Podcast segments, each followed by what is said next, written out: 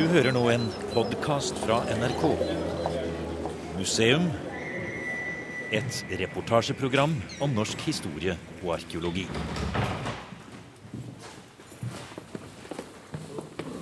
Hva er det vi går ned i her nå, Jon?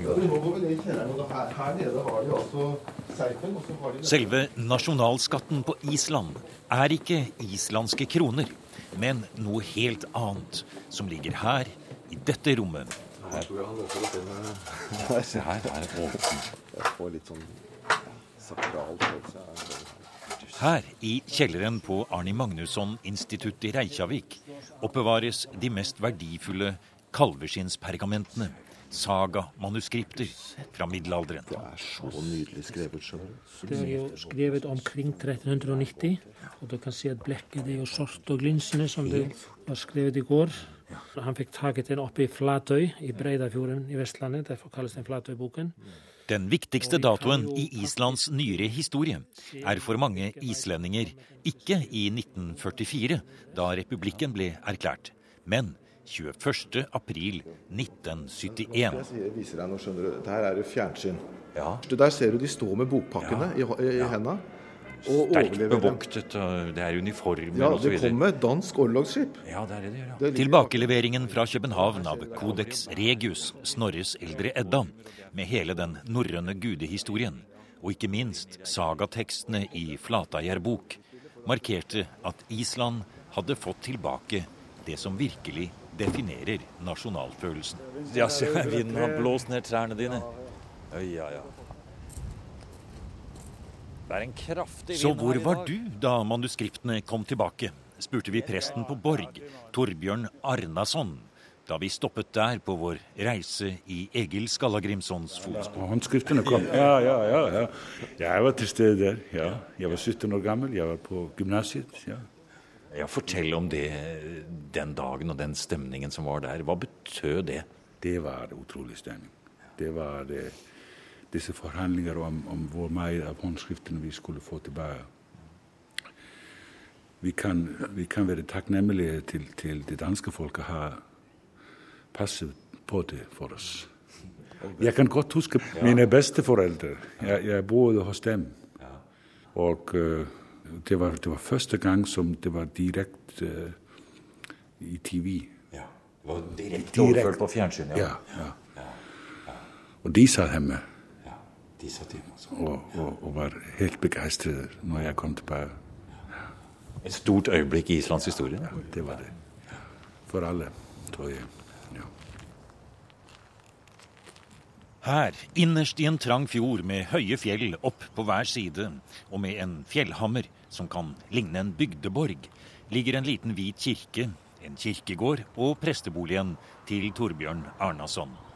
Akkurat her lå også gården Borg, hvor Egil Skallagrimsons far tok land i landnomstiden.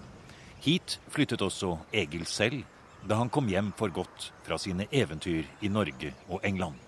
Og her bodde også Snorre Sturlason en tid før han flyttet til Reykholt. Her, det piper i eh, Her er det Det er fortsatt Jeg ja. søker ly bak sånne, Torek. ja, vi må søke ly bak en stor skulptur her på Borg som vi har kommet nå. Vi må gå enda mer bak her, for det blåser altså så kraftig her. Gården, gården Her ligger det, det, det, ja. på samme sted visstnok som, eh, som ska, eh, Skallagrims gård. I forrige program besøkte vi både de arkeologiske utgravningene ved gården Mosfell, hvor Egil døde, og vi var lengre ute i Borgarfjorden, ved Digranes, hvor Egil bar sin døde sønn Bodvar i haugen til faren. Men det er her på Borg skallen Egil har sitt store monument. En abstrakt, moderne skulptur står oppført ved kirken. Den heter Sona Torek, Sønnetapet, oppkalt etter et av Egils store dikt, som han skrev i sorg etter sønnen Bodvars død. Og det er denne indre spenningen i Egil som sagafigur som gjør ham så spennende, sier professor Jon Gunnar Jørgensen.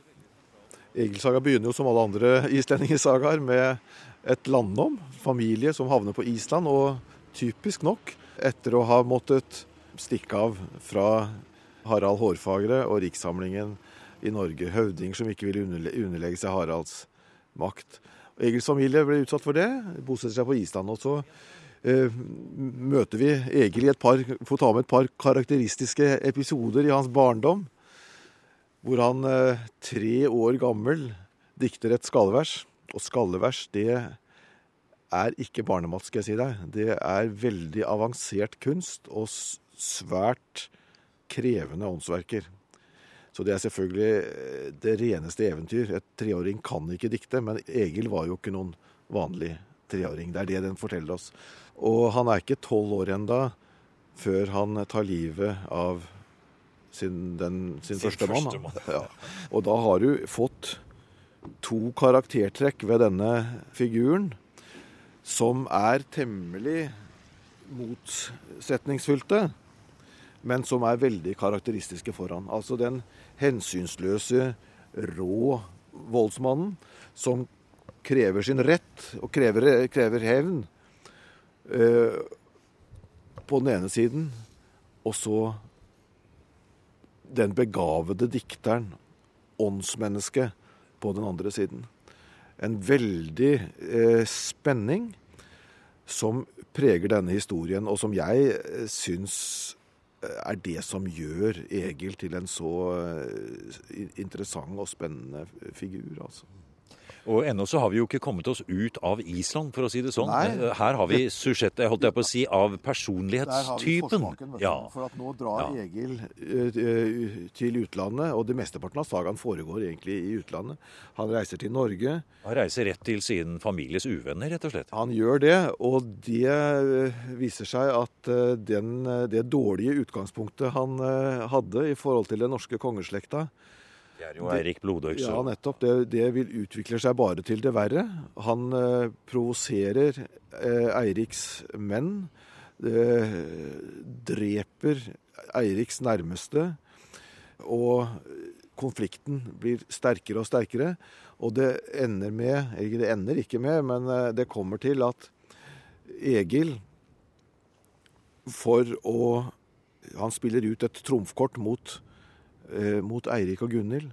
Han setter opp en nidstang eh, og framsier en besvergelse som går ut på at vettene i Norge ikke må gi Eirik fred i landet. Og det virker. Eirik blir tvunget til å forlate Norge, og han bosetter seg i England. Og da Egil er på vei for å besøke sin venn kong Adalstein i England, så blir skipet tatt av vær og vind og drevet i land like i nærheten av Eiriks residens. I, I, Northumbria i Yorkshire. Ja. ja. Der blir hans skip drevet i land, og det er altså da rett i hendene på igjen hans da verste fiender. Ja. Og nå er jo han eh, fredløs, kan man si, så hvis han blir tatt nå, så vil det bety dødsdom. Ja, men han skjønner det at han kommer ikke unna. Og han er jo, vil også se på det som æreløst å prøve å, å, å flykte. Og nå er Egil kommet for første gang i sagaen i en situasjon der hans voldsomme krefter ikke kan hjelpe ham. Og det er interessant. Hva gjør han da? Han redder seg ved sin åndskraft. Altså, han, la, han dikter et enestående flott kvad som han sier fram for kong Eirik. Og det gjør såpass inntrykk at Eirik sier at han skal få beholde livet, men han vil ikke se han for sine øyne mer. Det diktet er jo det som heter hovedlausen. Altså han løser ut sitt hode. Han ja. redder sitt ja. liv, med andre ord, gjennom et fantastisk ja. Eh, dikt. Og det er jo to ganger i livet at Egil havner i den situasjonen at hans, hans krefter, hans innflytelse, hans allianser ikke kan redde ham. Det ene var da han møtte sin motstander Eirik Blodøks i England. Og det andre gangen det var når havet tar hans sønn. Han kan ikke hevne seg på naturen for å ha tatt livet av sønnen. Han, eh, han kan ikke kreve bøter fra naturen. Hans fysiske krefter kan ikke redde ham ut. Og det er da hans datter kommer til ham og sier Far, ingen kan uh, dikte noe arvekveie etter Bodvar om ikke du gjør det. Hun lurer ham til å dikte et kvede. Han setter da i gang og dikter dette utrolig flotte diktet 'Vare følelsessprengte diktet', eh, 'Sonatorek'. Og Vi kan nesten følge diktet framover. Det begynner, altså, han, begynner med å si at 'jeg kan nesten ikke røre på tunga mi pga. sorg'. Og så føler vi at han blir sprekere utover. Og i siste strofe så sier han at 'nei, Hel får vente litt til, jeg vil leve'. Så han dikter seg altså eh, Fri fra døden, fri fra dødens grep. På samme måte som diktet hans frelste ham fra den sikre død hos eh, Eirik. Så når de fysiske kreftene ikke strekker til, så redder diktergaven hans eh, ham videre eh, igjennom. Så det er en veldig altså, spenning i denne, denne personen. Mellom ånd og fysikk, altså. Vi kommer inn her. Dette er kirken din, ja? Det er her du Ja, det er jo en av mine fem kirker. Ja, det er fem kirker. Ja. Og for et flott tak som er her. Et blått tak med gullstjerner utover hele. Mens vinden hyler rundt hjørnene på den lille trekirken på Borg, og de fortøyde frukttrærne i sogneprest Torbjørn Arnasons hage har blåst over ende, forteller han om at turister fra hele verden kommer hele året hit til stedet hvor Egil Skallagrimson diktet 'Sonatorek'. Vi fikk en besøk her eh, for 25 eh, år siden, når jeg var lige kommet her som prest. og Det var Jorge Louis Borges som kom eh, fra Argentinien. Og han var en gammel mann. Og han var blind, han kunne ikke se. Men han, han sa til meg jeg, jeg må, må, komme her og gå rundt om, om Egil Skallagrimsons uh, sted eller plass. Ja. Så det er mange som kommer lang vei til å besøke Borg. Året er koldt. Hva er det med innholdet, det poetiske innholdet i Egil Skallagrimsons saga, tror du, som har denne sterke appellen ennå? Og nå snakker jeg ikke om den ytre historien, men, men hva er det med den indre historien i, i denne spesielle sagaen? Jeg vet ikke, men, men må, måske er det jo uh, alle kontrastene i, i den personen. Han er jo en voldsom viking. Uh, og uh, brorvold og, og man kan si jo hele tiden i Egil Saga så søker han sin rett. Han er så meget komplisert menneske. Man kan se det når han, når han mister sine sønner. Og han, mister, han taper lysten til å leve og vil dø. Men så dikter han. Hans datter kommer, og hun uh, narrer ham, og hun uh, overbeviser ham om at det er bedre å dikte enn at du Fordi Skape ja, noe. Og det er jo en, en, en, et sterkt budskap i det at når du er i krise, og mørket er, er rundt om deg, så er det jo at det å skape noe som kan bli til nytte for andre. Det kan være en vei ut av mørket. Det er det som, som den uh, historien i Eiersaga Det er den budskapen i det. Og det er noe som transcenderer alle religioner eller ideologier.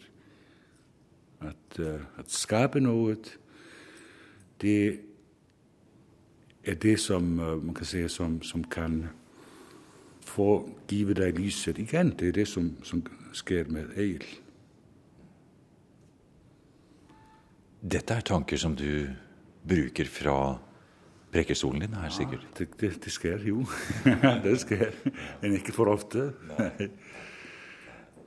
For uh, det er jo nettopp her i huset ved siden av der som du har din moderne bolig, at det huset sto hvor da Egil låste seg inne og bare ville dø. Ja, det, det, var her. Det, det, var her, ja. Og uh, alle, alle gårdene her på Borg har stått på dette samme sted eller plass. Ja. Og så er det også, også disse konflikter mellom far og sønn, mellom Skallagrimur og Egil. Det er meget interessant. Det var ikke, et, eh, ikke, en god forbindelse, ikke en hjertelig forbindelse mellom far og sønn. Og så også dette som, som er igjennom hele sagaen, vil si det, det, det, mørke og det lyse. Vil si at Skallagrimur og Egil de er de mørke og ofte disse mennesker som, som har svært med å kontrollere seg. Men så har vi Thorolfur, som er Skallagrimurs broder, og Thorolfur, som er Skallagrimurs sønn, og Egils broder. De er lyse, og de er, er, er smukke mennesker. Og eh, en, en helt man kan si, Gjennom hele sagaen så er det balansen viser seg det mellom disse to trends, som man sier, eller to typer av, av mennesker i, innom denne familien. Hvem av de to typene mener du klarer seg best i sagaen? Ja, De som klarer seg best, de er de mørke. Ja, Hva mener du med best da? Ja, de lever. Ja, De overlever. De, de overlever. Ja. og Egil og Skallagrimur er, er, er, de eneste store personene i, i, i den islandske sagalitteraturen som, som dør en naturlig død. Ja, det gjør det. Um, det handler også mye om ære. Hvem sitter igjen med ære etter et fullendt liv? Er det Torolv, eller er det Egil? Både to, tror jeg. Begge to, ja. ja. Man, man, vet at disse historiene om Egil de har levet blant folket ja. i uh, 200 år, mer enn 200 år. Det er jo lang tid. Og det som er, er måske så sterkt ved Egil, er, er at han, han, er, han, kjemper hele tiden. Hele tiden så er han, som jeg sier på engelsk, 'against the odds'. Det, det er jo det er, det er, alt, det er aldri lett for Egil. Nei.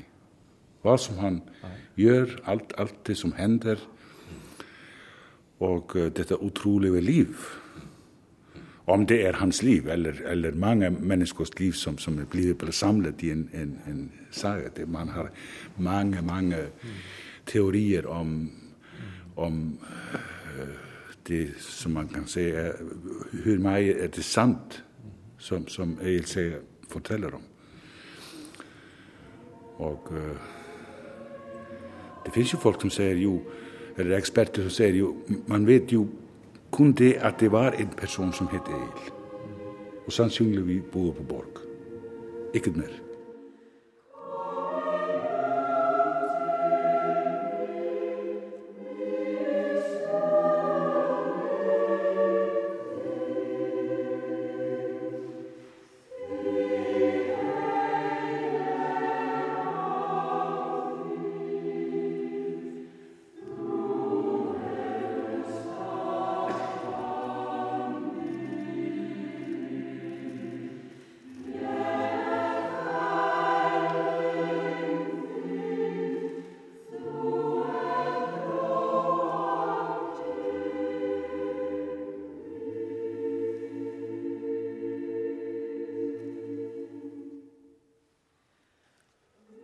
Høyr himna smidur.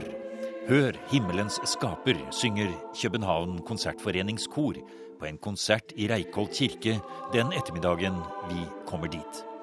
Teksten er skrevet av Kolbein Tumasson, som var en av Islands goder på 1200-tallet, på Snorres tid. Også han ble for øvrig drept under borgerkrigene på den tiden, akkurat som Snorre. Huktu, sa Simon. Egi skal högva, sagði Snorri. Hann henvísar til det femte mosaiske búð, du skal ekki slå ihjel. Der skal ekki hugus. Hug du, sagði Simon igen. Igen sagði Snorri, Egi skal högva. Her er det enda en av Islands lærde prester, sogneprest Geir Våge på Reikholt, som tar oss med rundt inne bak vollene i Snorre Sturlasons store borganlegg. Vi står akkurat på stedet der Snorre gjemte seg for sin banemann. Men både den historien og forholdet mellom politiske ambisjoner og produksjon av sagalitteratur skal vi ta opp i det neste programmet. Da skal vi også møte forfatteren Oskar Gudmundsson, som skriver på en ny Snorre-biografi her i Snorrestova. Og vi skal også høre om ny forskning på de mytiske og heroiske fornaldersagaene som ble skrevet etter Snorres tid på 1300-tallet. Men nå lar vi Geir Våge ta oss med inn i Egil Skallagrimsons hedenske verden, selv om vi står midt i Reikholt kirke. På Borg hørte vi om kvadet Sonatorek. Nå er det det andre store diktet fra Egilsaga vi møter. Det er et kvad som jeg holder veldig mye av. Høveløsten er et av de kvad som jeg har alltid vært veldig begeistret for. Selv om eh, de lærde sier at det handler bare om krig og kamp. Men det er selve kvadet som er så flott. Det begynner med forårets deilige, altså susen. Uh, man kan nesten høre forår i inngangen til høveløsten. Vestur fór ek og ver, en ek viðris ber, mun strandar mar, svo smitt og far. Dró ek eik á flót við Ísabrót, hlóð ek mærðar hlut, mín snarrar skudd, og svo videre. Og så kommer det til kamp, kamp, kamp, kamp og krig. Og, og så sker en, en, en endring i musikken, i kvadet. Og, og, du kan nesten fornemme hvor skrekkelig kampen er efter at du har erfaret den vilde kampglede i kvadet, altså kampens berusende følelse. Så står Egil der på slagmarken, og, og der kommer til syne det uhyggelige. Flugu hjaldur stranar á ræslanar, voruð blóð svanar, benmás granar, sleit und freki þás ott breki gnúði rafni á höfuðstafni. Og í det neste erinni sier hann, tróð nift nara náttverð ara, det er uhyggelige bilder. Altså ulvens hustru trådte på ørnens nattverd. Det, det, er, det er uhyggelig undertone i det her. Og så til slutt hvor uforskammet han er da han sier kan kmála mjöt av manna Það sier han nesten direkte til kongen at det er hån det hele. Men det er så skjult i, i, i, i gammeldags poetisk språk at kongen har ikke oppdaget det. Så redder han æren. redder han sin egen ære. Ja. Det med dette diktet er jo én ting at eh, det er uh, utrolig flott formulert, men det er jo også en metrikk. Altså det er jo bygget opp på en måte som er helt uforståelig at vi fikk til. For selve skallediktet det har i utgangspunktet en veldig krevende og avansert metrikk. Det både, skal være både bokstavrim og det skal være innrim. Men her har du i tillegg så har du også enderim. Det første eldste kvart Ja. som har Ja. Og det er vel en angelsaksisk tradisjon, kanskje? Det tror jeg. Det tror jeg. Så For det skjer jo i, i, Ja. i, i England, dette her. nettopp. Men tror du det er Egil som har diktet dette? Jeg er helt klar over det. Du er sikker på det? Helt ja, det Det er ingen, det er ingen, ingen kristen mann De sier at Snorri, de unge, de sier at Snorri har diktet dette hva? Hvis det, hvis det var Snorri, så ville han ha vært mye større enn han var. For det er, det er ingen kristen mann i middelalderen som kan kvede. Som kan kvede med, med levende, eh, sprudlende glede om kampen i eh, hedensk sammenheng. Fordi det er så tung hedensk strøm i kvadet. Det, det, kommer, det kommer frem i, i f.eks.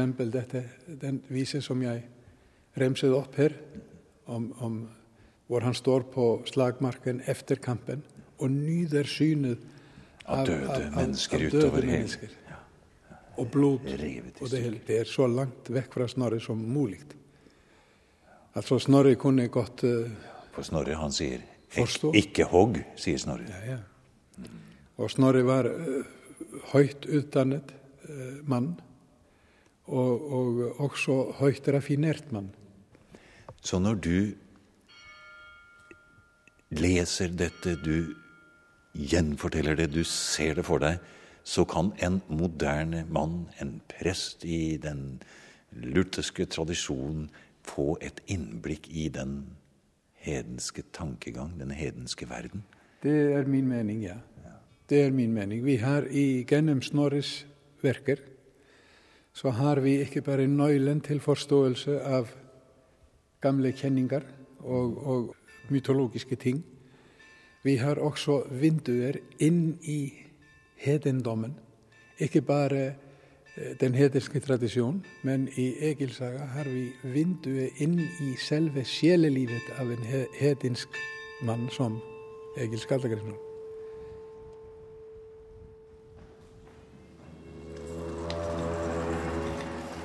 Du har nå hørt programmet Museum som podkast fra NRK. Museum sendes i NRK P2 på lørdager klokken 16.03 og søndager klokken 08.03. Hvis du vil, kan du abonnere på Museum podkast i iTunes. Jeg vil gjerne ha dine synspunkter på programmet. Send kommentarer eller tips til museum.krøllalfa.nrk.no.